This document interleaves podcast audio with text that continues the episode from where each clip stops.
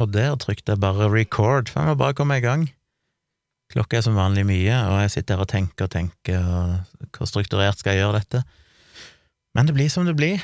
Jeg snakker om, jeg har noen ting jeg vil snakke om, og jeg, som vanlig så blir det litt på sparket. Velkommen til en ny episode av Tomprat med meg, Gunnar Kjomli.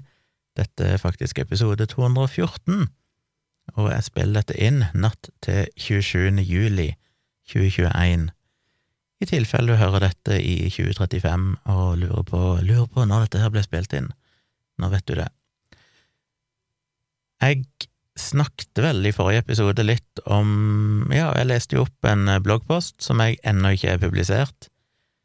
Jeg, tenkte bare måtte la den ligge litt, modnes litt, men jeg tror nok jeg kommer til å, å publisere den. Må bare skrive den litt om, for den var egentlig formulert som at jeg skulle publisere den på 22. juli, men nå er det jo gått noen dager forbi, og det er nok egentlig like greit å få det litt på avstand, og så publisere den i en litt mer sånn generell kontekst. Så den eh, kommer nok, hvis noen lurer på hvorfor ikke denne dukker opp i bloggen. Jeg skrev òg en annen bloggpost, i går var det vel, som jeg i utgangspunktet var litt fornøyd med.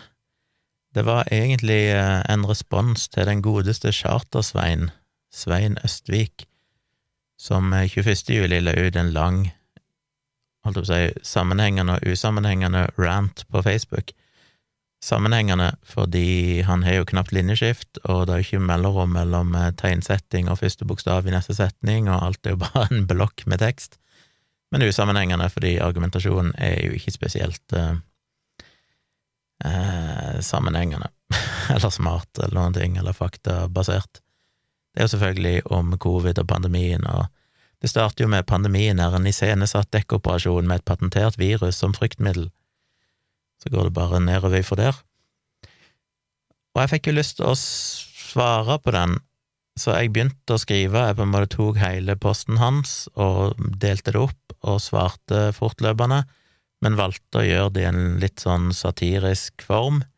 Ikke en sånn faktabasert bloggpost, men mer en sånn, ja, på en måte en latterliggjøring av Charter-Svein men så ble jeg veldig usikker. Kan jeg publisere dette? Jeg syns jo sjøl det var litt morsomt, men jeg, jeg møter meg jo sjøl i, i, døra med det evinnelige spørsmålet at hvordan møter du egentlig folk som dette? Folk som eh, relativt raskt er blitt radikalisert. Eh, det har vært flere eksempler på det, jeg skal ikke nevne navn, men jeg ser det andre kjendiser òg som er blitt diskutert på Facebook i det siste, som har gått ifra å være eh, pålitelige, troverdige personer til å plutselig ha gått bananas og henge med vaksinemotstandere og covid-fornektere. Og det er, en, det er, jo en av de virkelig interessante tingene som jeg tror veldig mange er blitt oppmerksom på, spesielt det siste året, under pandemien. Vi som har fulgt antivaksinemiljøet og sånn, har jo sett det lenge. Jeg har jo snakket om det i intervjuer, jeg har vel nevnt det i bloggen i over ti år eksempler på dette, når folk spør liksom ja, ja, er det så farlig om folk tror på ditten og datten? Og ofte så er det kanskje ikke så farlig, men vi ser stadig vekk eksempler på at det er en slippery slope. Og det viser jo òg forskning på dette, at hvis du begynner å tro på én konspirasjonsteori, så er veien veldig kort til å tro på den neste. Og jeg har jo tidligere brukt eksempler på folk som jeg så sånn i 2009-2010, Eh, kunne kommentere at de syntes Snåsamannen virka som en eh, fyr med magiske evner. De trodde det var et eller annet med Snåsamannen, det måtte være noe mer mellom himmel og jord. Og så, eh, ja, i løpet av et år, to år, så var de mer eller mindre omtrent holocaust-fornektere og full pakke. Og det går jo inn i det som jeg har snakka om mange ganger, det med at studier peker i retning av at dette handler jo mye om folk som gjerne havner litt på utsida, utenforskap, eh, som gjerne gjør at en da kommer i en sånn konflikt med det etablerte, med liksom eliten, som en plutselig føler seg underlegen på et vis, og dermed får et enormt behov for å overkompensere med å prøve å gjenvinne kontrollen ved å, å finne mening med tilværelsen, og da er jo konspirasjonsteorier ofte veldig praktisk å ha, fordi verden er kompleks, det er veldig mye vi ikke forstår, det er vanskelig å ha overblikk over alt, ikke bare vanskelig, det er umulig.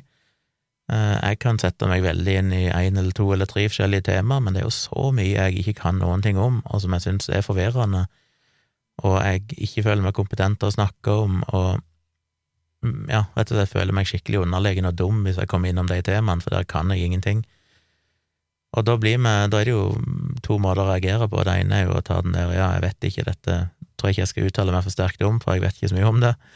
Og det andre er jo å prøve å overkompensere for manglende kunnskap ved å være veldig bombastisk og mene det motsatte av det det etablerte gjør, fordi at da må du jo selvfølgelig være spesielt smart, siden du har gjennomskua noe som ikke alle andre sauer der ute har gjort. Og den radikaliseringa der kan skje ganske fort. Det er folk som Det skjer et eller annet, kanskje et eller annet i offentligheten, i media, som gjør at de blir flaue. Eh, Svein Østvik er jo et godt eksempel på det.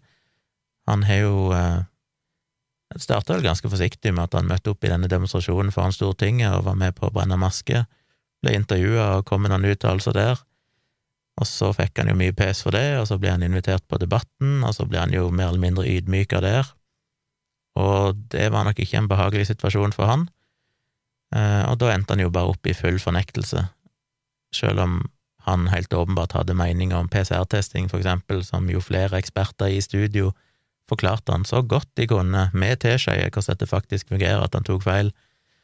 Men det var jo ydmykende for han, og responsen ble jo at han bare satte seg på bakbeina og protesterte enda mer på at eh, han hadde rett, som jo er en interessant måte å reagere på, men ikke veldig uvanlig, dessverre. Og det har vi sett der, og vi har sett i andre tilfeller, og da er jo spørsmålet hvor langt kom en med å Én ja, ting er å møte de veldig saklige og faktabasert, det har jeg virkelig prøvd å gjort i bloggpost etter bloggpost med forskjellige folk som er covid-fornektere og sånn. Ta påstandene deres, forklare hvorfor det er feil, vise til forskning. Men den ranten til Svein Østvik på Facebook jo, inneholder jo ingenting det egentlig går an å diskutere. Det blir jo bare sånn vage insinuasjoner om en dekkoperasjon og alt mulig sånn, og det, det er ingen konkrete påstander, men det er bare utrolig grumsete og idiotisk, det han skriver. Og da er det jo fristende til at jeg kan ikke møte han på en sånn faktabasert, saklig måte, for det er ikke noe å ta tak i, egentlig. Eh, og da får han jo lyst til å harselere med de. Men spørsmålet er jo hvor nyttig det er. Det føles jo selvfølgelig godt. Hvis jeg hadde gjort det, så ja, det kan godt være jeg hadde fått masse views og delinger fordi folk syntes det var morsomt at jeg på en måte dreide ut Chartersveien men hva vil egentlig Hva vil det hjelpe? Det vil jo booste egoet mitt, i så fall, for at jeg kanskje føler at oi, shit, denne bloggposten likte folk. Men jeg har jo et ansvar, jeg òg, til å tenke meg om før jeg publiserer noe. Selv om jeg har brukt, en god stund på å skrive den bloggposten, så betyr ikke det at jeg trykker publiser. Og jeg har sånn tenkt på det i det siste, hvordan kan jeg gjøre dette på en mer konstruktiv måte? Fordi en annen del av meg har jo selvfølgelig lyst til å møte Charter-Svein med, med forståelse og empati på et vis, uten å være nedlatende, men heller eh, forklare at det er lett Jeg vet ikke hvordan en gjør det. Hvordan skal jeg det er vanskelig å forklare de tingene jeg nettopp snakket om i et par, par minutter nå, uten at det fremstår som nedlatende. Liksom, ja, du er blitt ydmyka, du har et behov for å gjenvinne kontrollen, derfor så stiller du deg i opposisjon til det etablerte. Altså, hvordan formidler en det budskapet på en empatisk måte som både er opplysende for leserne mine, som kanskje kan lære noe nytt om psykologien bak konspirasjonstenking og sånn, og samtidig kan oppleve som at du strekker ut ei hånd til Chartersveien. Du er ikke der for å drite han ut, du er der for å Oi, å møte han et eller annet sted, ikke på halvveien. det blir nok i så fall 99% på min side. Fordi såpass overbevist er jeg om at jeg har har faktaene på min side i akkurat den saken, men Så det har jeg tenkt litt på.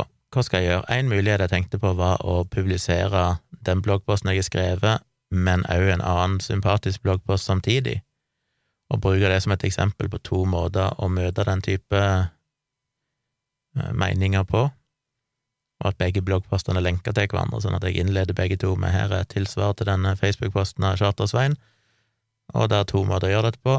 Her kan du lese den ene, og her er linken til den andre.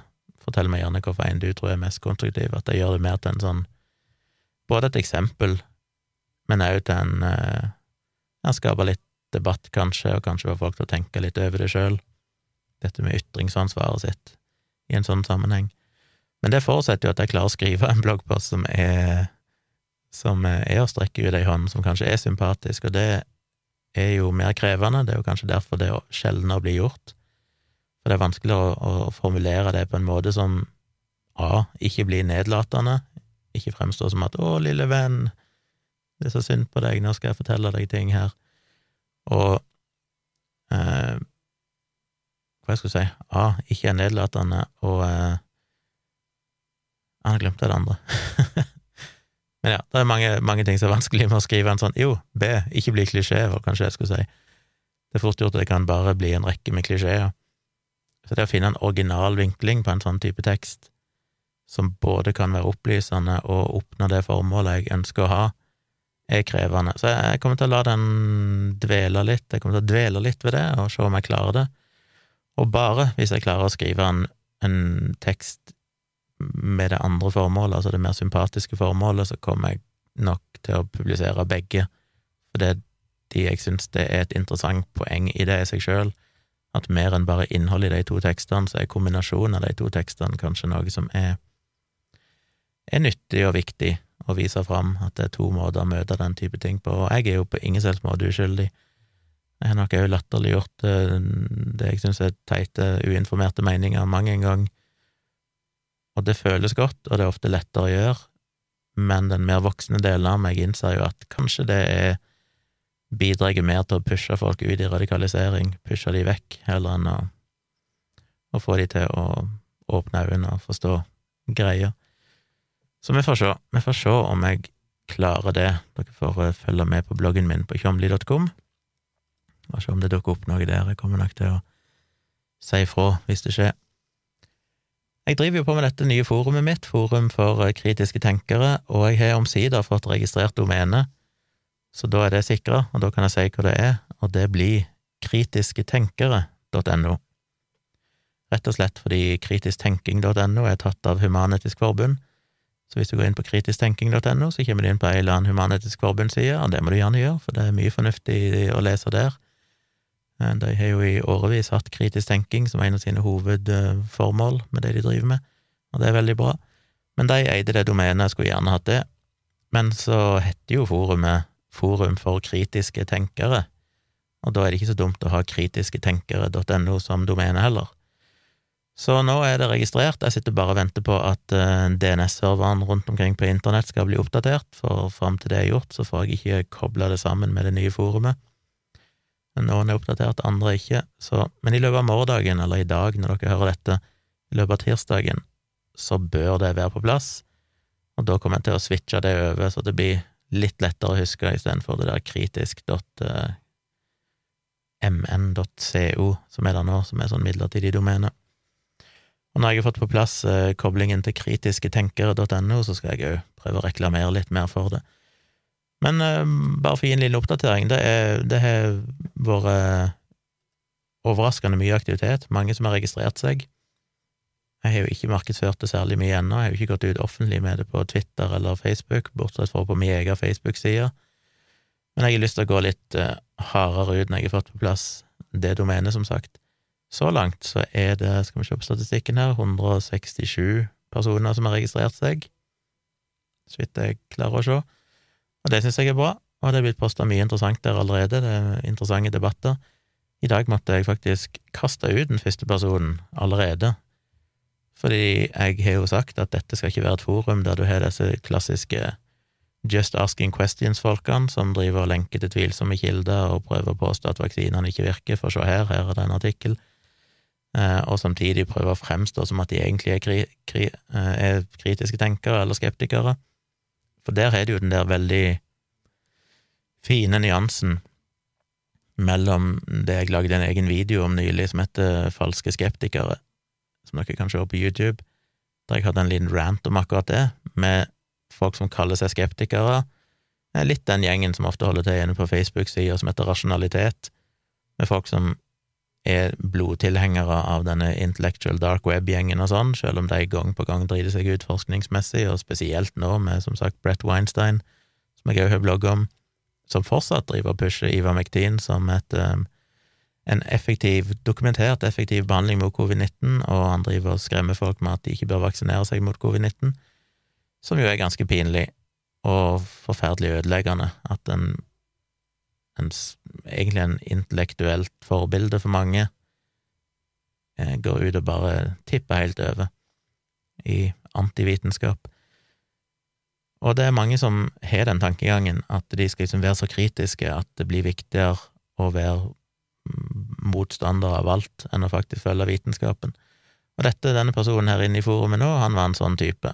Han posta noen kommentarer som virka for så vidt fornuftig nok, og virker jo som en, en, kritisk tenker i utgangspunktet, en skeptiker, men så bikka det jo over etter hvert i noen vaksinediskusjoner der han begynte å lenke til steigan.no, som skulle vise at vaksinerte ja, var, i mye større risiko enn det uvaksinerte var, og at vaksinene ikke virker, og vaksinene ikke begrenser smitte og sånn, og alt dette vet vi er feil. Men den påstanden om at uh, du ikke slutter å smitte folk selv om du er vaksinert, at de derfor ikke har noen effekt på flokkimmunitet, har vi jo visst i mange uker, måneder, at det var feil. Jeg har snakket om det tidligere, ja, i starten så kunne en ikke si det sikkert, fordi en hadde ikke gode nok data på det, selv om rent teoretisk sett så visste vel stort sett alle at det mest sannsynlig ville skje. Eh, men jeg visste ikke helt graden av det, for du, forst, du kan fortsatt være smittsom selv om du er vaksinert og blir smitta men du er veldig mye mindre smittsom, sånn at summen av det vil uansett føre til at hvis folk vaksinerer seg, selv om ikke du 100% i 100, du reduserer ikke risikoen for å bli smitta eller smitte andre med 100% så er det en enorm effekt allikevel, og en kan bygge opp en, en slags flokkimmunitet over tid. Og dette har vi visst lenge, og dette er det så mye data på, og når det kommer sånne folk som skal liksom være smarte og si at 'å, dere tar feil, bare se her', og så lenke til steigen.no, liksom, da ga jeg han et par advarsler først, og så fortsatte han med bare piss, og så kasta jeg han ut. Og der ønsker jeg å legge liste. Dette er ikke et forum, som jeg har sagt tidligere, der det skal være åpen debatt, der sånne folk som det skal komme med all slags piss, og så må vi sitte og bruke timevis på å prøve å tilbakevise det. Jeg har ikke tid til det. Jeg har ikke tid til å, å sitte og holde sånne folk i hånda, spesielt når jeg er 100% overbevist om at han er en klassisk sånn driver det som kalles for jacking off, altså just asking questions, og masturbere til å sitte og mer eller mindre trolle sånne forum og kommentarfelt på Facebook og sånn. Om han blir forklart til vi sitter her og er blå i ansiktet, at det han sier er feil, så kommer han til å fortsette å si de samme tingene andre plasser, fordi det handler bare om å være kontrær og være annerledes og føle at du er unik og har skjønt noe som ikke alle andre har skjønt. Og det gidder jeg som sagt ikke. Noen vil si at ja, men ikke det er en del av kritisk tenking, da, å kunne være kritisk og svare på spørsmål og ha en opplyst debatt.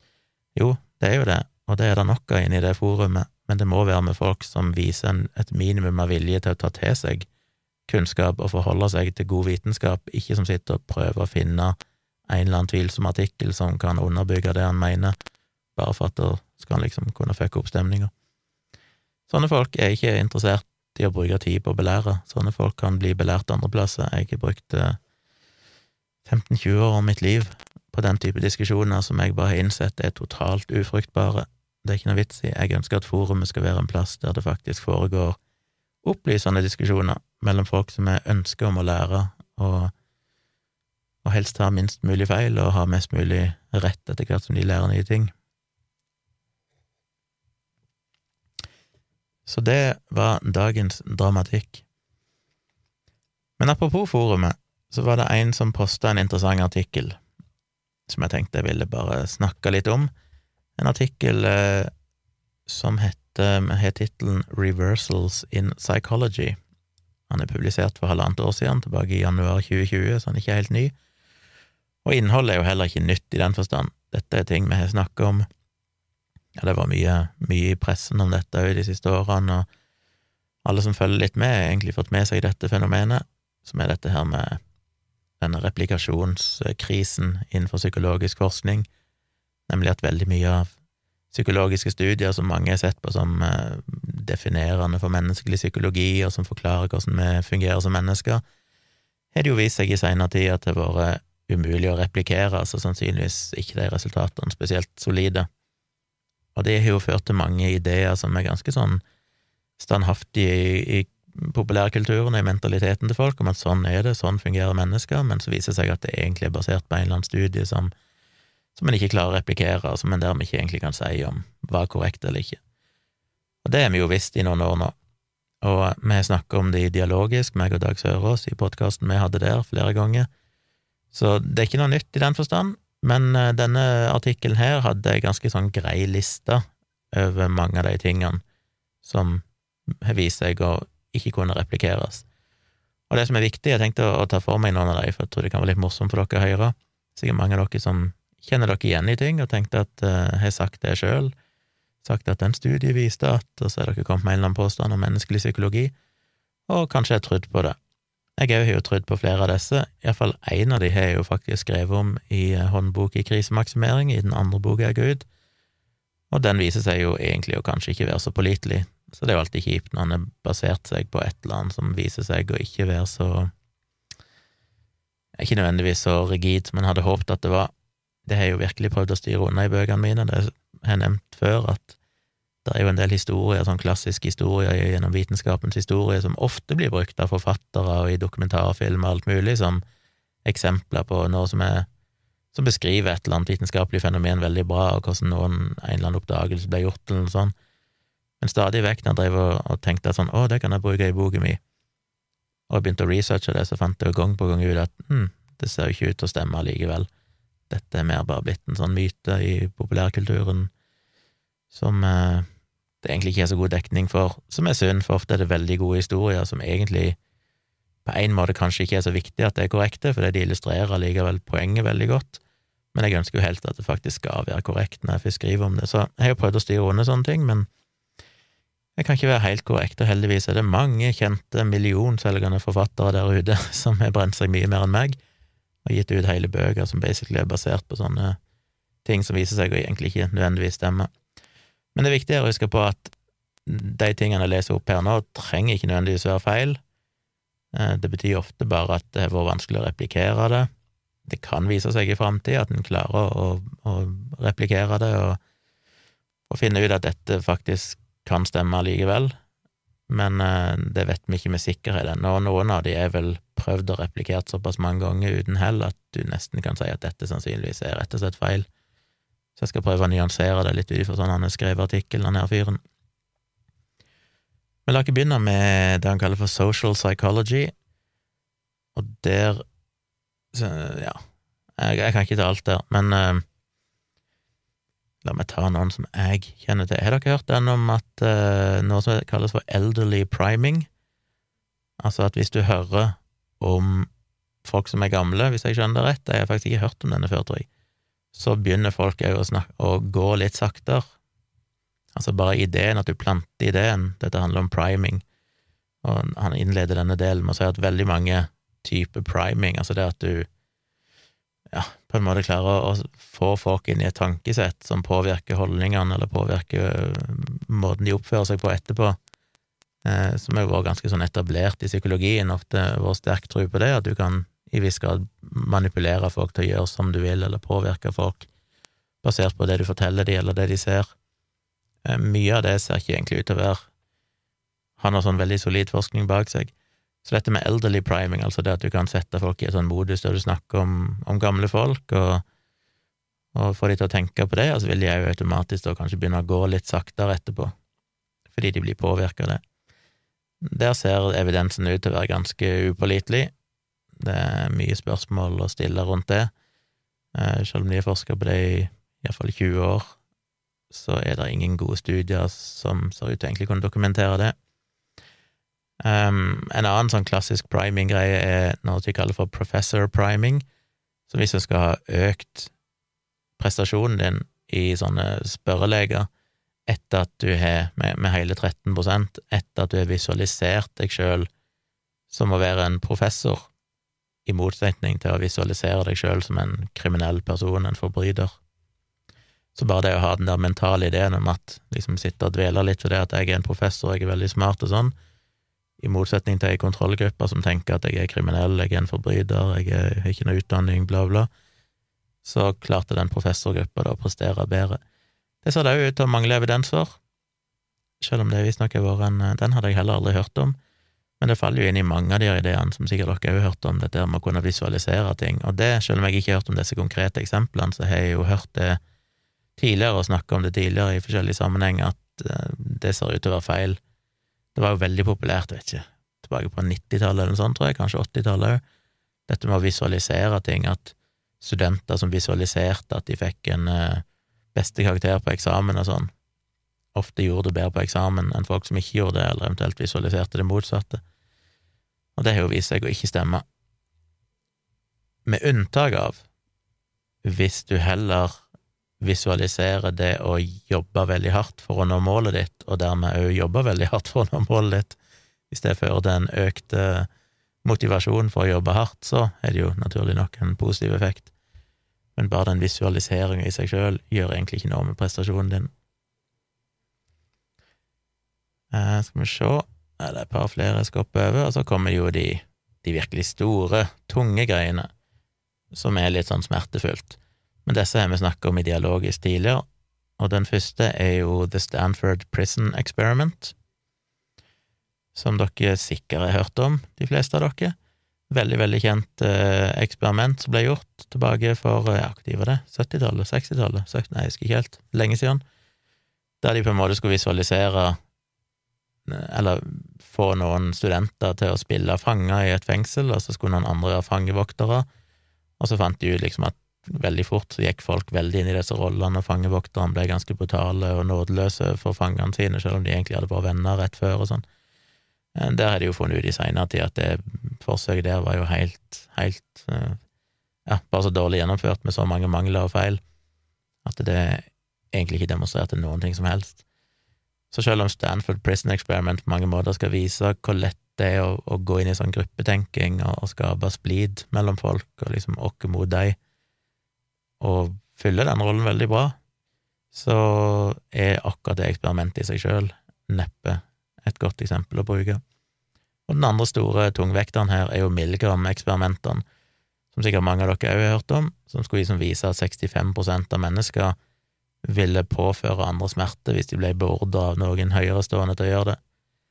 Det var vel et eksperiment, hvis jeg husker rett, det satt en eller annen person inne på et rom og hadde sånn strømførende ledninger festa til seg, og så hadde de vel sikkert noen studenter som vanlig som skulle være med i dette forsøket, som da skulle sitte og sende strøm inn i de og straffe de for et eller annet. Og de fikk jo sånn beskjed om at hvis de gikk over den og den grensa, så ville det være ekstremt smertefullt, og det kunne vel kanskje potensielt sett være dødelig, eller noe sånt.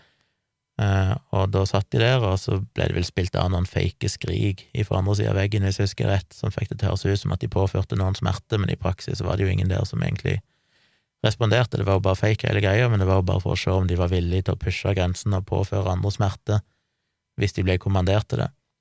Når det da kom inn en eller annen fyr som på en måte var deres overordna, som de hadde respekt for og så opp til, så var sjokkerende mange av de villige da et flertall av de villige til å påføre ekstreme mengder smerte, kanskje til og med farlige mengder med strøm i disse folkene, selv om de hørte skrikene og sånn. Og det er jo blitt brukt som eksempel, vel, på at eh, ja, folk er villige til å gå veldig langt hvis de føler at det er noen som bestemmer over dem, hvis de føler seg underordna, et eller annet sånt.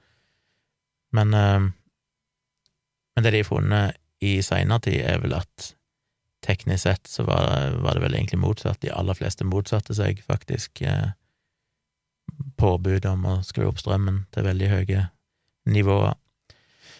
Og bare halvparten av de som var med i eksperimentet, trodde i det hele tatt at det var ekte. Halvparten av de skjønte at det er jo bare fake. Så, så det er Milgram og Stanford Prisoner Experiment, som er liksom både de to tungvekterne i sånn psykologisk forskning, er jo rett og slett eh, bare tull. Så kan det jo være annen type forskning som kanskje viser noen av de samme elementene, men akkurat de to iallfall er ikke noe å basere seg på. La meg scrolle litt og se. En jeg likte veldig godt, og som jeg òg eh, definitivt har en, sikkert en bias til å tenke at dette er jeg nok helt enig i, det er ideen om at det å sitte mye foran skjermen, enten det er mobil eller nettbrett eller dataskjerm, er korrelert eller er sterkt korrelert med å føle seg dårligere. Um, de sier vel det her at it explains about as much of teen sadness as eating potatoes, altså 0,35% Så de finner en effekt på rundt 0,35% av depresjon eller det å føle seg dårlig er knytta til kanskje det å sitte foran skjermen, så basically null. Og det er ganske interessant, for det er jo blitt gjort en del dokumentarer den siste tida sånn, som skal vise dette med hvor farlige sosiale medier er og sånn. ikke bare dette med personvern og innsamling av data og alt mulig sånn, men òg at unger faktisk, eller barn, ungdommer, blir ødelagte, føler seg dårligere. Vi kanskje oppfostrer en generasjon med folk som kommer til å slite med psykiske problemer og alt mulig rart fordi de bruker for mye tid foran skjermen. Og selvfølgelig så er jo det ikke svart-hvitt. Selvfølgelig, ja, det å bli eksponert for sånn som den nye loven som er kommet i Norge nå, om at hvis du publiserer poster på Instagram og sånn, som er av kommersiell art, så er du nødt til å opplyse om, om det hvis de er manipulert, hvis de er retusjert på noen måte for å endre kroppen. Og da har de jo kommet fram med, med eksempler i, i, de, i, begrunnelsen for det lovverket, da, som er ganske sånn deprimerende, med hvor stor andel av eh, dødsfall Hva er det, er det den høyeste dødsårsaken blant jenter, var det det? Er anoreksi i Norge blant eh, tenåringsjenter?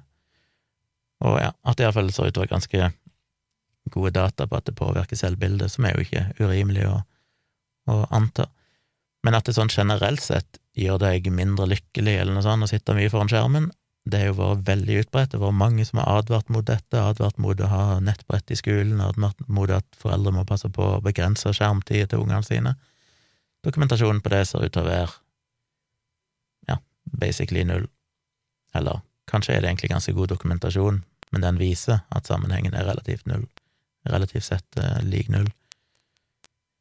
Um, det er jo en myte her visstnok at uh, at uh, hurricane, som står stille for meg, uh, orkaner, som er navngitt etter kvinner, er mer dødelige enn de som har mannlige navn. Men det ser jo ut til bare å være tilfeldigheter og alt mulig sånn, som viser at det faktisk ikke stemmer. En litt rar greie. Og så kommer den som jeg brent meg på. Det er den som heter Implicit Bias Testing for rasisme. Altså, jeg skriver jo om det i håndbok i krisemaksimering, der jeg viser til de har testene der politi og sånn i USA er i en sånn slags simulator der det kan poppe opp sånne dokker, holdt å si, foran de, nesten som på en skytebane, og så plutselig så popper det opp ei dokke som har mørk hud, og så popper det opp ei annen som har hvit hud, og da viser seg at politiet er raskere skyter på en svart person enn på en hvit person, inklusiv de som definitivt mener at de ikke er rasistiske, og aldri har følt at de hadde noen form for diskriminering overfor farga personer, eller følt noe forskjell på menneskeverd, eller noen ting sånn, så merker de det samme der. Og det har jeg skrevet om i boken mi, og mente at det var et eksempel på at vi alle besitter en slags sånn ubevisst rasisme. Det tror jeg nok egentlig fryktelig mange av oss gjør, til og med vi som ikke vi som er på en måte dedikerte antirasister, tror jeg òg jeg tror veldig få av oss er helt blinde for hudfarge og sånn. Jeg tror det påvirker oss til en viss grad, ikke nødvendigvis at vi tenker dårligere om folk, men du har jo det som jeg snakker om òg dialogisk, litt basert på en sånn uh, greie der Louis C.K. var på Saturday Night Live før han ble uh, avslørt for sine shenanigans, som jeg syns hadde en sånn morsom greie der han òg viste dette her med sånn positiv rasisme, at han hadde noen forventninger om forskjellige yrker, hvem som skulle ha forskjellige yrker og sånn. Jeg husker ikke helt hvilke eksempler han brukte, men, men at jeg òg kan være sånn i forhold til tiggere, at jeg kan kanskje lett, ha lettere for å gi penger til en farga person enn en hvit person, fordi det er et eller annet i meg som antar at en farga person har det vanskeligere enn det en hvit person har det, som jo er en slags rasisme, men som har på en måte et positivt utfall, for det betyr at jeg har mer vilje til å hjelpe personen, jeg føler mer empati med personen, så det er jo ikke en, en, rasisme i form av at du ser ned på dem, eller ser på dem som mindreverdige, eller ønsker å, å forskjellsbehandle dem negativt. Tvert imot. Men det kan jo òg kalles for en form for sånn positiv rasisme, hvis det gir noe mening. Eh, så den der biasen er der jo hos veldig mange, men akkurat den der testen der, og de testene som skal liksom avdekke denne implicit, denne ubevisste biasen folk har i forhold til rasisme, ser det ut til å være relativt dårlig dårlig dokumentasjon på at det egentlig Eller den, den slår ikke ut veldig mye på de testene i praksis. Effekten de klarer å måle, er veldig liten. Skal vi se Og så er det en jeg òg snakker om, mener jeg, som òg ser ut til å være feil. Jeg tror jeg snakket om det dialogisk, for jeg leste en del om det. Men jeg tror det er det de sikter til her. Det er noe som kalles for stereotype threat, som vel gikk litt på det at de mente at i, i forsøk, så hvis du har en jente Ja, hvordan var den igjen? Du gir en skoleklasse en matteprøve, og så Jeg lurer på om det gikk på det at hvis du i matteprøven bruker ord som jente i forkant, at jentene får denne testen, eller jente, et eller annet med jente, at du på en måte bare Det, det blir liksom det jeg snakket om i starten, dette med priming, at du minner jentene på at de er jenter, på en måte, så skårte de dårligere enn hvis du ga de prøven og var helt nøytral i forhold til kjønn, at kjønn aldri ble nevnt i den sammenhengen. Jeg tror det var noe sånt. Men det ser ut til å egentlig ikke stemme. At det er Eller en vet ikke helt, men det er iallfall svak evidens. Den er ikke veldig sterk. Men det kan òg være mangel på forskning, at det ikke har vært nok forskning, så det er jo en av de tingene som kan vise seg å stemme. Men foreløpig er evidensen for svak til at en egentlig bør slå fast at det er sånn, i det minste.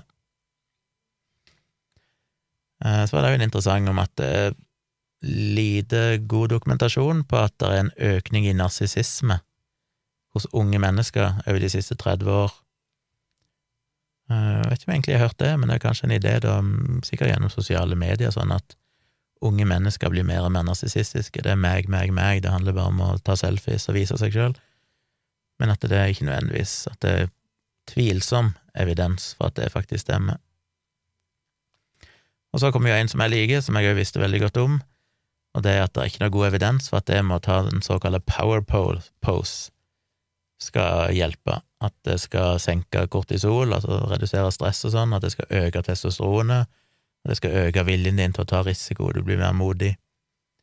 Ideen er jo at bare å gjøre en sånn bevegelse der du liksom står foran speilet og utstråler styrke, kanskje knytte eller bøye armene oppover, spenne musklene og står breibeint og sånn foran speilet og ser på deg sjøl, at det skulle ha positive effekter.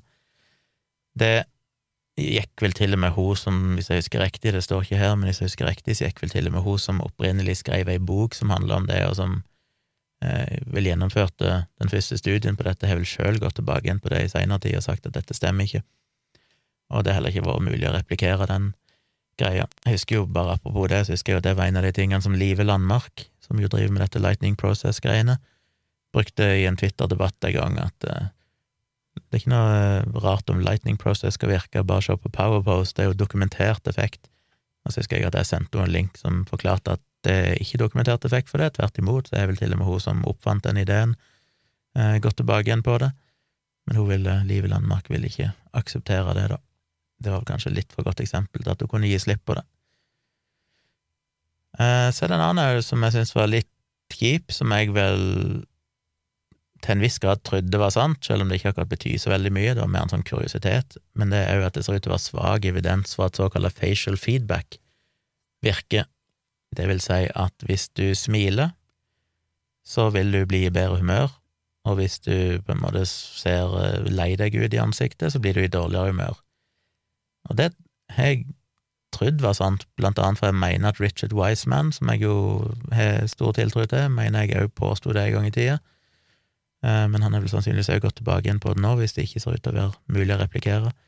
Men jeg tror det var der jeg hørte det først. Så bare det å, å smile, bare den følelsen av å smile, bare at du bruker de musklene i ansiktet som trigger et smil, òg påvirker noen prosesser i kroppen din som kanskje frigjør noen endorfiner eller et eller annet sånt som gjør at du føler deg bedre. Og det å sitte og se trist ut og tilsvarende òg skal kanskje få deg til å føle deg dårligere og mer trist. Men evidensen for det ser ut til å være svak så langt. Igjen, trenger ikke bety at det er feil, bare at uh, evidensen er svak foreløpig.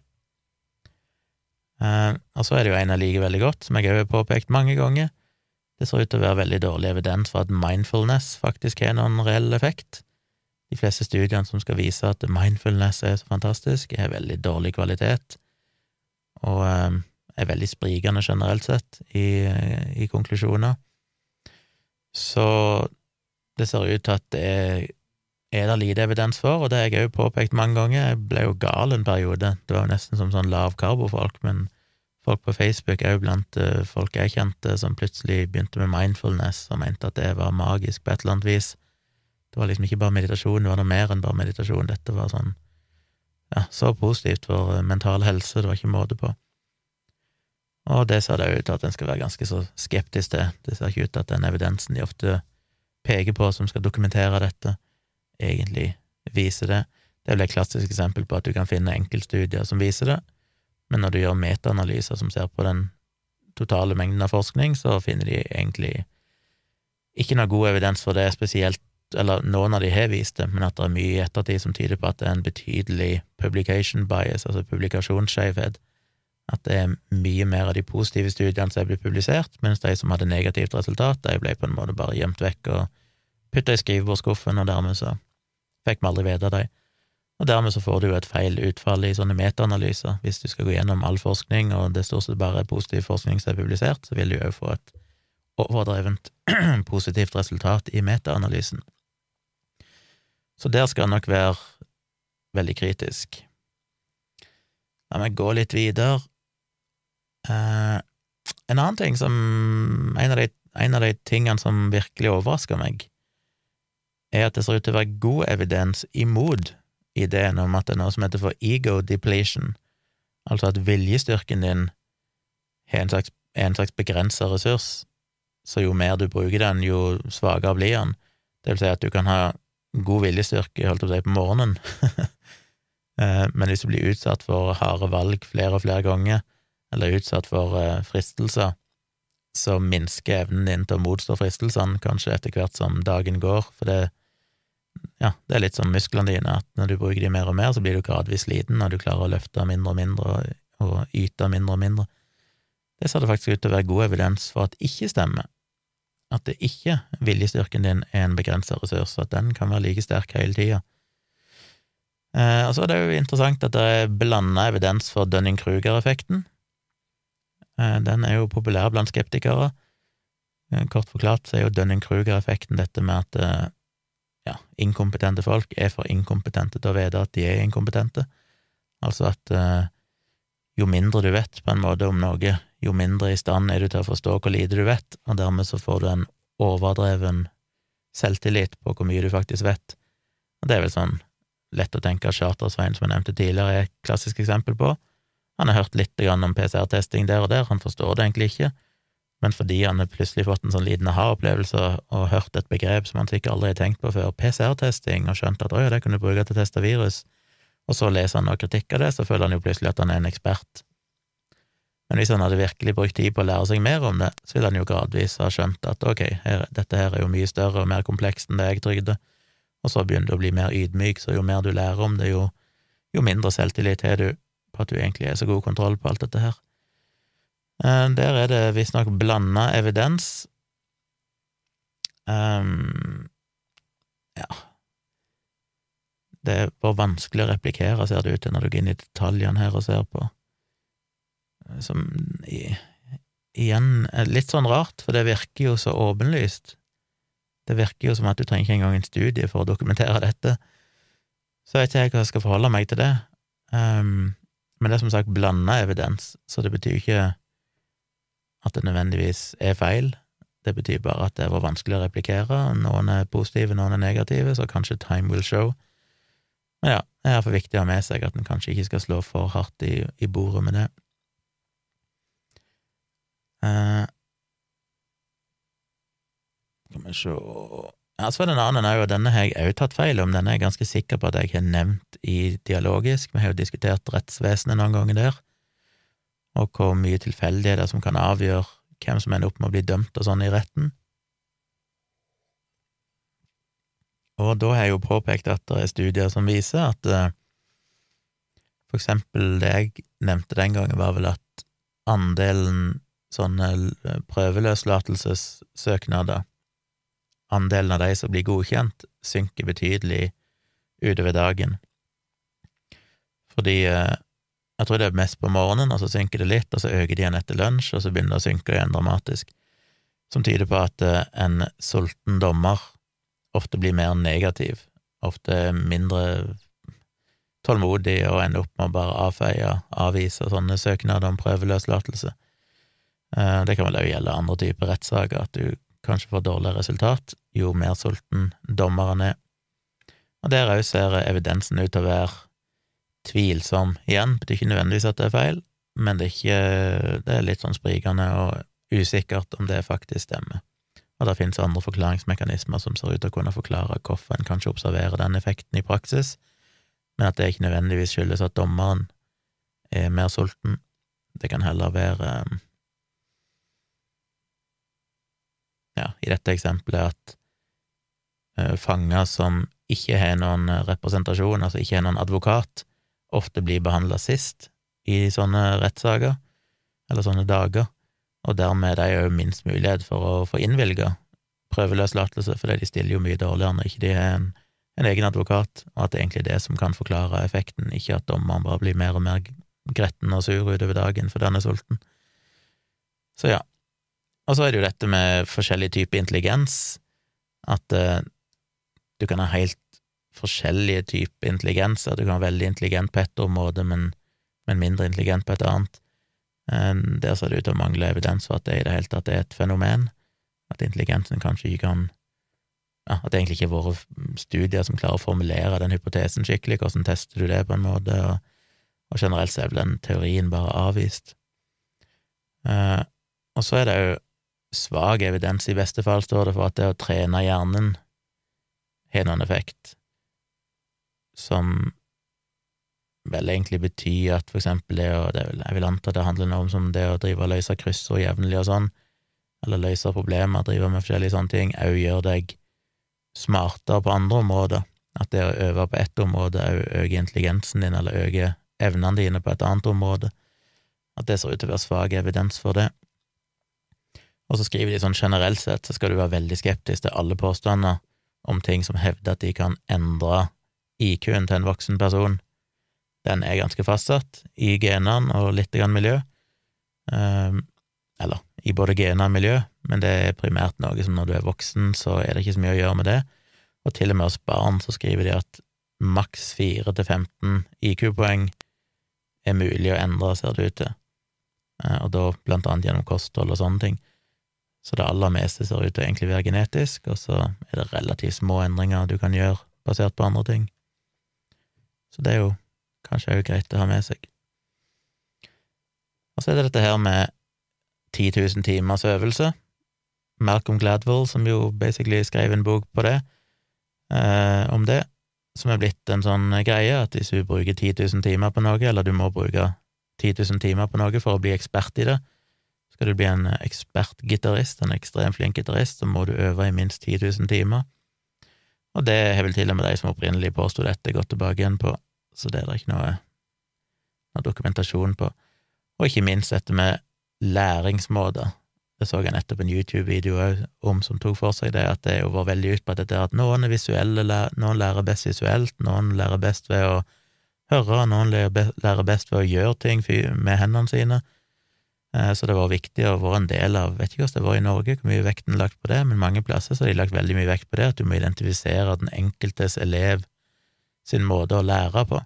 Altså må du tilpasse undervisningen til den enkelte elevens Noen lærer best ved å se ting, noen lærer best ved at de blir fortalt ting, noen lærer best ved at de får lov å bruke hendene og, og gjøre det i praksis. Og det ser det ikke ut til å være noen evidens for i det hele tatt, så eh, det er nok mest av alt en myte, og for folk flest så er det ofte mer en kombinasjon av de tingene som faktisk fungerer, ikke at du har én spesiell måte som passer for deg. Um, hva mer morsomt er det her? Skal vi se um, Ja Det er litt sånn sære ting som blir nevnt, så det er ikke så lett å ta dem. Parapsykologi. Ja. Det er jo egentlig det som starta hele dette her replication uh, crisis-greiene. David Bem, var det ikke det han heter? som jeg òg snakka om i tidligere sammenhenger. Og der kan vi gå tilbake til Richard Wiseman òg, den britiske psykologen og skeptikeren. Eh, var det David Bem, var det han het? Iallfall Bem, som jo gjennomførte en studie for noen år tilbake som skulle visstnok dokumentere at folk kunne se fram i tid, at folk kunne bli påvirka av ting som skjedde i framtida. Eh, jeg skal ikke gå inn i hvordan den studien ble gjennomført, men den ble gjennomført egentlig ganske bra. Det var en, en godt gjennomført studie i seg sjøl, og den fikk jo mye oppmerksomhet når den kom, for det var liksom sånn oi, her er det jo kanskje den første gode evidensen for at det er mer mellom himmel og jord, at det, du kan se fram i tid på et eller annet vis. Men så var det jo flere som ønska å replikere denne studien, inklusive ei gruppe som Richard Wiseman leder, og det var vel der de da fant ut, hvis jeg husker dette riktig, at da de hadde gjennomført denne studien på nytt, prøvde å replikere resultatene og ikke klarte det, og òg flere andre forskergrupper klarte ikke å få de samme resultatene som han Bem gjorde, som jo var et sterkt signal på at det han fant, var en statistisk tilfeldighet eller en eller annen juks eller bias på en eller annen måte. Eh, men da ville jo ingen tidsskrifter publisere de replikasjonene, fordi det er jo ikke så gøy. Vitenskapelige tidsskrifter liker å publisere originalstudier, men når folk skal replikere dem, uansett utfall, så var det ikke noe særlig interesse for det. Og det vekte jo var kanskje det som starta denne her ideen om at oi, her er det jo et alvorlig problem, fordi replikeringa av studier er jo minst like viktig. Altså, replikeringa av studier er jo som regel mer verdifulle enn originalstudien, ofte fordi at de da òg vil kunne korrigere feil, de vil være gjort mer rigid enn originalstudien, nettopp fordi de ser potensielle svakheter som de prøver å, rette opp i. Men de vil ikke noen publisere, og det er jo et enormt stort problem på vitenskapen, fordi igjen, da, for eksempel, skal du gjennomføre en metaanalyse, og du bare får den positive originalstudien, men ikke fem negative replikasjoner, så vil jo den metaanalysen slå ut altfor positivt, for den får ikke med seg alle de studiene som var negative, som ikke ble publisert, enten iblant fordi en ikke ønsker å publisere de, og ofte da tydeligvis fordi at vitenskapelige tidsskrifter bare ikke har noen interesse av det. Så det har de jo de siste hva er det, ti et eller annet årene vært jobba mye med, og tidsskrifter har vel forplikta seg og sånn til å publisere replikeringer av, av, de studiene og sånn, eh, noen iallfall. Og der er det jo det var det som vi starta, det der løpet som viser seg at oi, her er det kanskje mye som, som rett og slett ikke har blitt publisert fordi det var negative replikeringer, og kanskje vi nå burde begynne å se på disse gamle psykologiske studiene som vi alltid trodde var sanne. Kanskje de faktisk ikke kan replikeres. Så det er litt interessant. Men det viste jo da at eh, den ene virkelig gode studien på en måte som skulle vise at det var noe mer mellom himmel og jord her, den eh, er nok heller ikke korrekt. Um, skal vi sjå Hva mer er det her? Oi, en påstand om at eh, store foreldre, da mener de vel kanskje overvektige foreldre, har flere sønner enn eh, det som en skulle tro, sånn normalt sett. Men det ser ut til å være feil. Um, begynner vi å nærme oss slutten her. Det var noen veldig kompliserte noen. Ja, så sier det jo sånn generelt sett så skal du være veldig skeptisk til at det finnes gener som påvirker, som kan si noe om oppførselen din. Og det er jo litt interessant, fordi jeg snakket nettopp om det i en livestream, for det var en som spurte, han hadde fått det i gave av en eller annen i familien, en sånn eh, DNA-test han kunne sende inn, eh, 23andMe eller Nei, det var vel ikke det i det tilfellet, det var Ja, jeg kommer ikke på hva, hva han heter, men det finnes jo mange sånne du kan sende inn DNA-et ditt til. Ta en liten sveip i munnviken og sende inn litt bytt, og så får du tilbake igjen en oversikt som både kan si noe om opprinnelsen din, slektskap til andre, hvor det finnes slektninger rundt i verden, men ikke minst er jo kanskje noe om du er disponert for forskjellige sykdommer og sånn. Og det er greit nok, men noen av disse testene, og det snakket jeg jo litt om, og de gir deg jo òg Du får jo gjerne login til ei sånn fancy nettside der du får all slags grafer og sånn når de er ferdig med analysen, og noen av de viser jo for eksempel musikaliteten din, eller hvor flink du er til å tegne, eller alt mulig rart. Og da husker jeg jeg, jeg sa det i livestreamen at hm, stusser litt på det, kan de virkelig se det ut ifra gener? Men jeg tenkte vel at ja, hvis det er en del av dette, det du betaler for, så er det vel kanskje noe i det, at det finnes gener som kan disponere for at du er flinkere på enkelte sånne ting. Men det ser det ut til å være lite evidens for i, i praksis, spesielt med ting som er knyttet opp mot psykiatri, altså for eksempel hvor disponert du er for depresjon. Eh, ja, generelt sett, de aller, aller fleste sånne påstander ser det ut til at det mangler dokumentasjon på at det stemmer.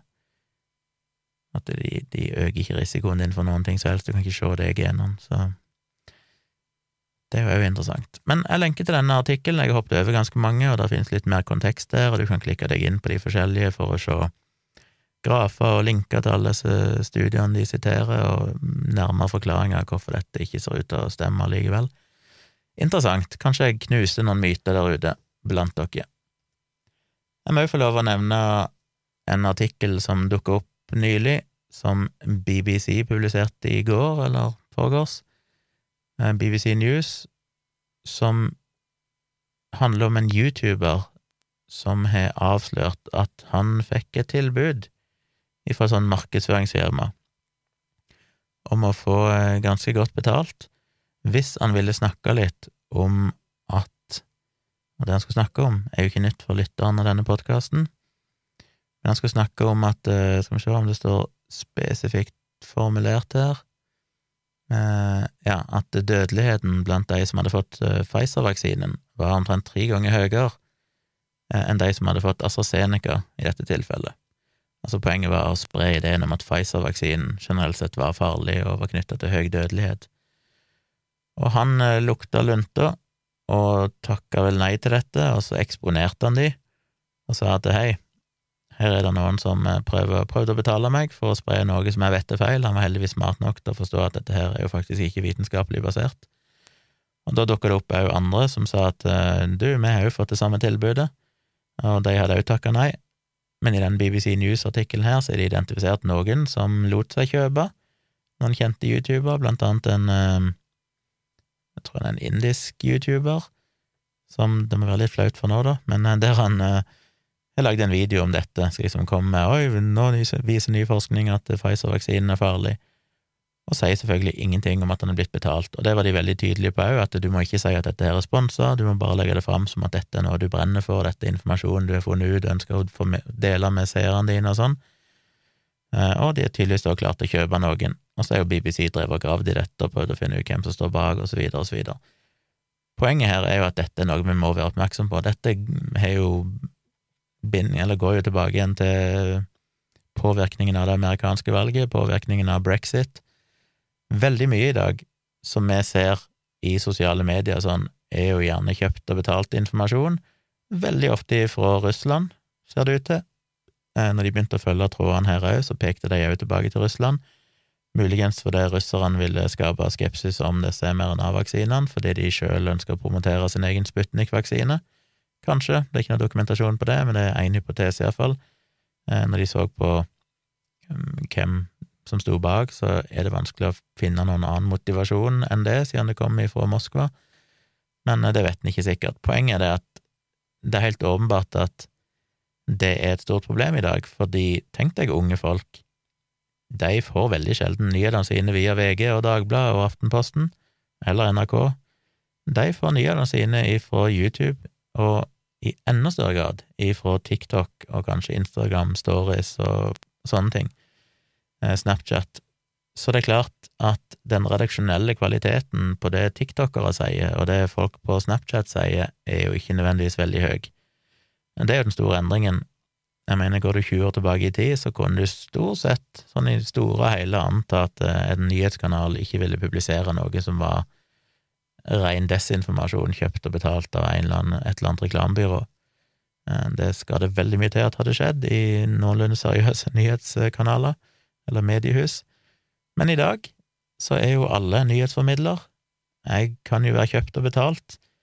Um, det er jo det som er dilemmaet, det er jo derfor jeg er så nøye på at jeg ikke vil uh, ha reklame, og de få reklamene jeg har hatt i Dialogisk og i denne podkasten, så er jeg jo veldig kritisk til hvem jeg sier ja til, det må være noe jeg kan stå inne for sjøl, og så videre.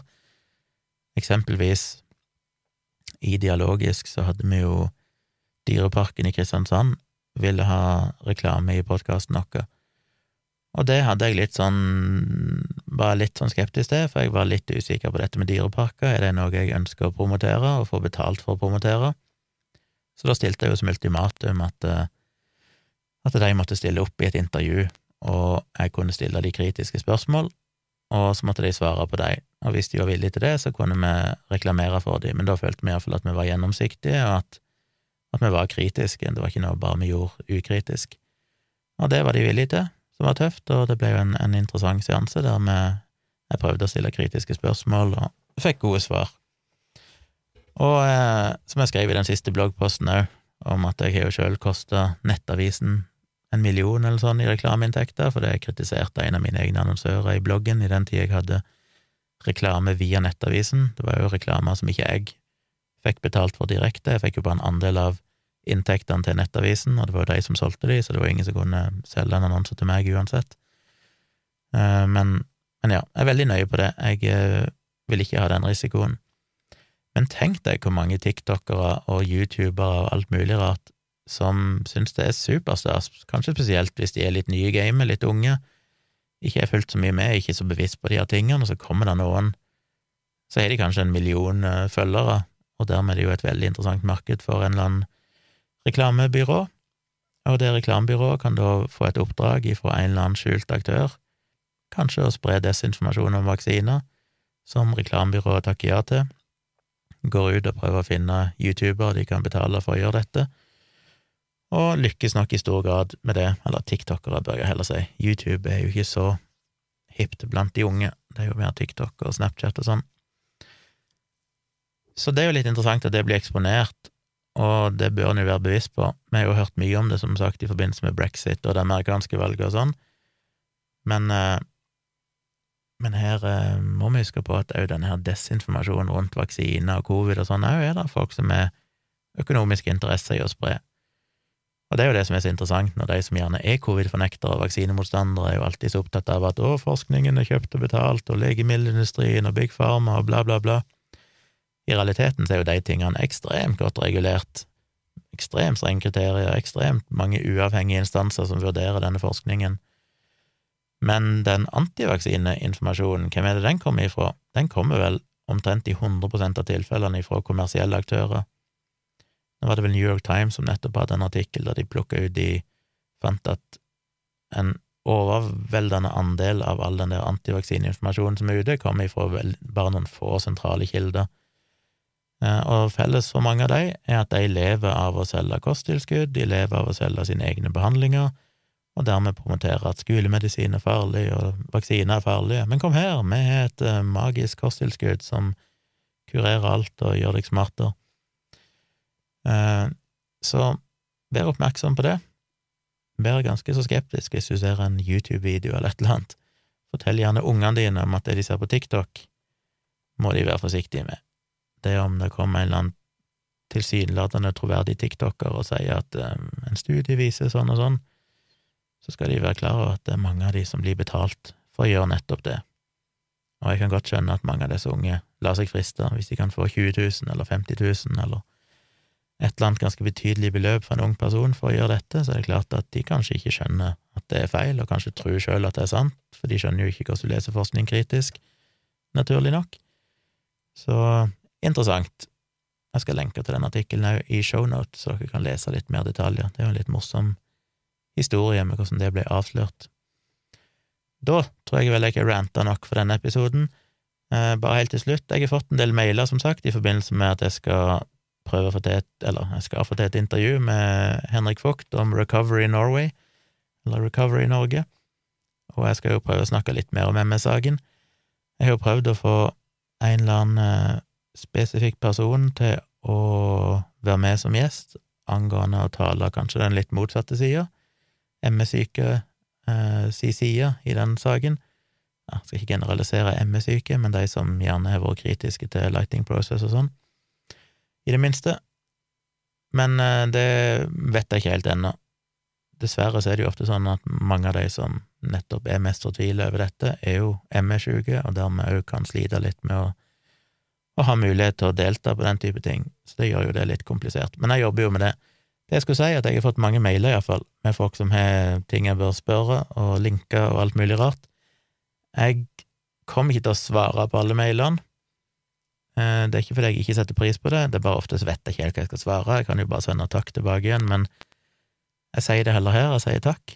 Eh, alt blir lest, alt blir lagra, jeg kommer til å gå gjennom alt før jeg skal ha det, den eh, debatten, eller det intervjuet, og prøve å notere meg de beste argumentene og poengene.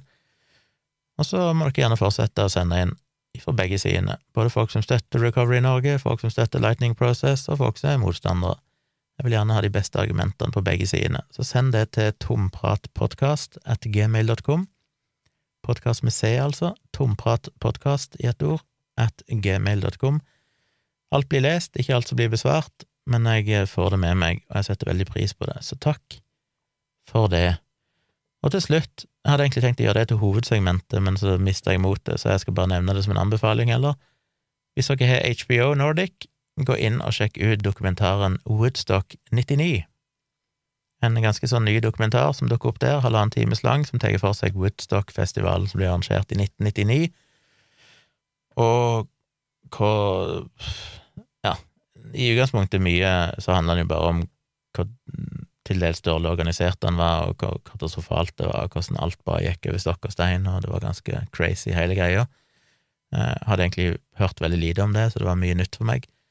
Men det jeg hang meg kanskje mest opp i, det var jo at den viste så tydelig hvordan tiden har forandra seg, og det legger de jo en del fokus på i den dokumentaren. Hvordan på Woodstock 99 hvor mye ja, mange damer det var i publikum og sånn som gjerne var toppløse eller satt i bikini og sånn, og hvor mange menn som antasta dit. Sannsynligvis var hundrevis av seksuelle overgrep på den festivalen. Og du ser jo det på opptak etter opptak, de viser klipp etter klipp, hvordan det sitter toppløse damer på skuldrene til noen andre, og så er det bare en tonn med menn som driver og tafser de på puppene og sånn, og noen som blir basically får revet av seg klærne sine, og blir rapportert mange voldtekter, og, og det er jo interessant i, i, to aspekter. Det ene er at jeg skriver om det i håndbok i krisemaksimering. Hvis dere husker tilbake for noen år siden, så ble det jo rapportert om disse seksuelle overgrepene på først og fremst denne We Are Stockholm-festivalen i 2015 og 2016, var det vel det. Fikk mye medieoppslag, og selvfølgelig var jo Kjetil Rollenes og alle andre på ballen med en gang med at se, dette her, innvandrere, flyktninger, forferdelig kvinnesyn, islam, grusomt, uh, gjør kvinnene våre og jentene våre utrygge. Uh, for det første er det jo viktig å merke seg at vi har ikke hørt noen ting om det seinere. Det virker jo litt rart at det plutselig skjedde på de to gangene, og så var det ikke noe særlig mer.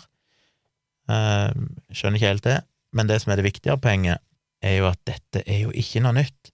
Og det skriver jeg om i boken min, da siterer jeg jo, jeg skal ikke hvem jeg siterer, men Eiland som skrev om dette, som påpekte det at blant annet Woodstock-festivalen og mange av de andre, ikke minst Mardi Gras i New Orleans, der eh, det har vært en trend, ikke sant, med at folk, hva si det, damene får sånne perlekjeder hvis de viser puppene sine, og hvor mange som går rundt og tafser og, og herjer.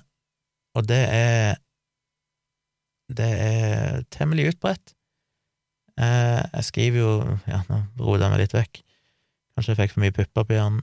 Men eh, jeg eh, skriver jo om det i boka, at dette er jo ikke noe nytt. Poenget er bare det at når det har skjedd på alle andre festivaler, der det er unge, hvite gutter og menn som gjør det, så blir det ikke noe tema. Fordi det har vært en helt annen kultur, det har vært en slags sånn jente har ofte tenkt at ja, ja, sånn er det bare, dette er jo sånn det er, og gutter har tenkt at dette har vi rett å gjøre, og eh, ingen har tenkt noe mer over det.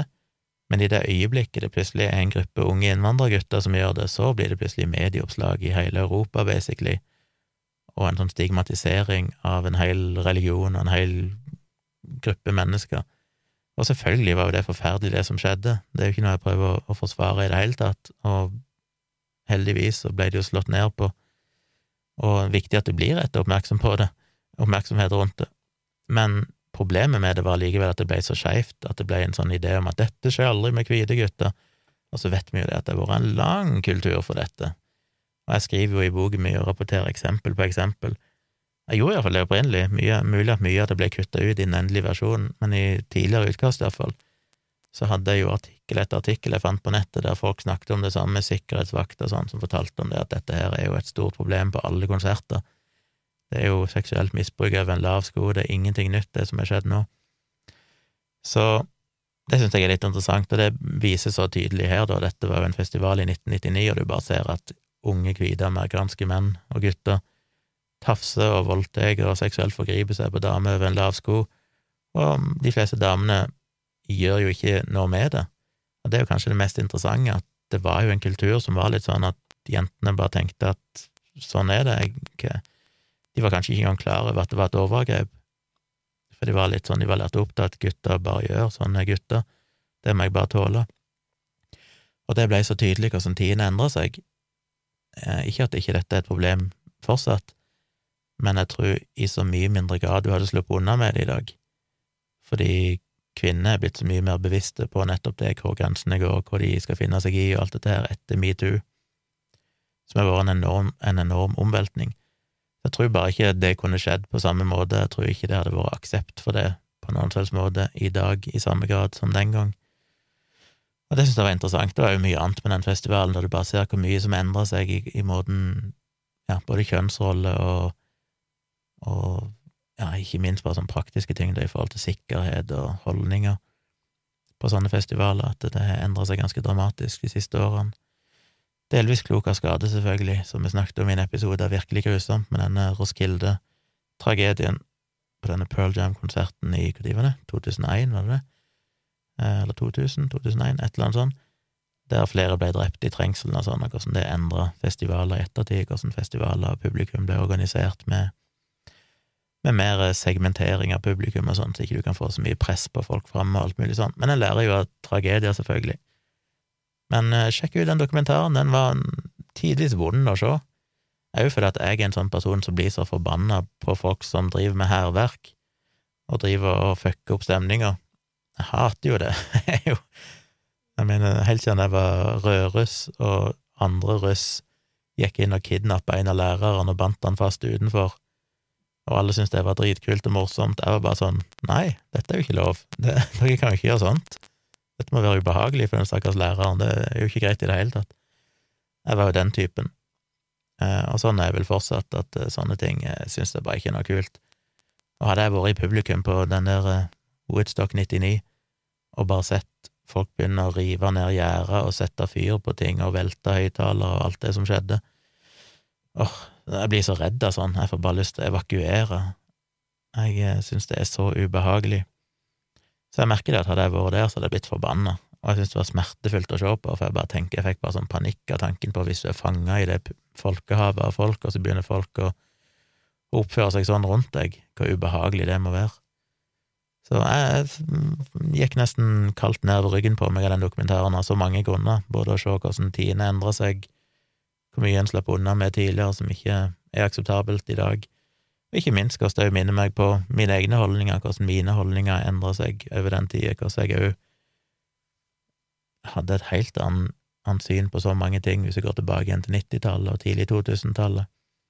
At jeg liksom skammer meg over meg sjøl, skammer meg over min egen oppførsel, skammer meg over mine egne holdninger, og hvor mye jeg har lært de siste årene, og så jeg tror mange har godt av å se det eksemplifisert så tydelig som på den festivalen, og kanskje både gå i seg sjøl og, og, tenke litt i en større kontekst over hva som har skjedd de siste 20 årene i forbindelse med metoo og, og mange andre ting. Så sjekk ut den, Woodstock 99 på HBO. Det er visst første episode, eller første dokumentar, i en serie som heter Music Box. Jeg vet ingenting om den, men det høres jo lovende ut. Jeg elsker jo sånne musikk, musikkbaserte dokumentarer. Så jeg er spent på hvilke andre dokumentarer som kommer i den serien videre. De slipper sikkert én hver uke, som de pleier å gjøre på HBO. Så det er altså en serie som heter Music Box, men første episode er Woodstock 99, og den varer jo i halvannen time, så det er jo en full dokumentarfilm. En selvstendig. Er, det er ikke sånn at den fortsetter i flere episoder. Sjekk ut den, folkens. Det var min anbefaling for eh, denne halve uka. For jeg er jo tilbake igjen med en ny podkast på fredag. Da kommer dattera mi, eller dattera mi kommer på tirsdag sammen med ei venninne som skal være her. Og da skal vi blant annet i Tusenfryd på lørdag. Håper det blir fint vær. Så det gleder jeg meg til. Ellers har jeg mange tanker om ting for tida. Mitt eget liv, hva planer, ambisjoner, alt mulig. Ikke så mye jeg kan snakke om ennå, men jeg gleder meg jo til å kunne snakke mer om sånne ting etter hvert som ting blir avklart, så det kommer forhåpentligvis, og det ei spennende tid. Da runder jeg av. Takker for at du hørte på. Som vanlig, del gjerne podkasten. Gå inn på Apple Podkast og gi meg eh, noen stjerner. Eh, hvis det er mulig på Google Podkast, gjør det der òg. Gjør det alle plasser du kan. Følg meg på Saksynt på eh, Facebook. Og eh, forhåpentligvis, før du hører dette, så er kritisketenkere.no operativ. Hvis ikke, så kan du gå inn på kritisk.mn .no, og gå inn der. Det blir akkurat det samme, det blir bare et nytt domene som er lettere å huske. Eh, og registrer deg i forumet. Ta i bruk det. Det er interessante diskusjoner. Vi ønsker flere skal bidra. Bidra med den kunnskapen dere har. Det kan være om ME og Lightning Process, for den saks skyld. Det har allerede vært debatter om det der inne. Så det håper jeg dere vil gjøre. Jo flere, jo bedre.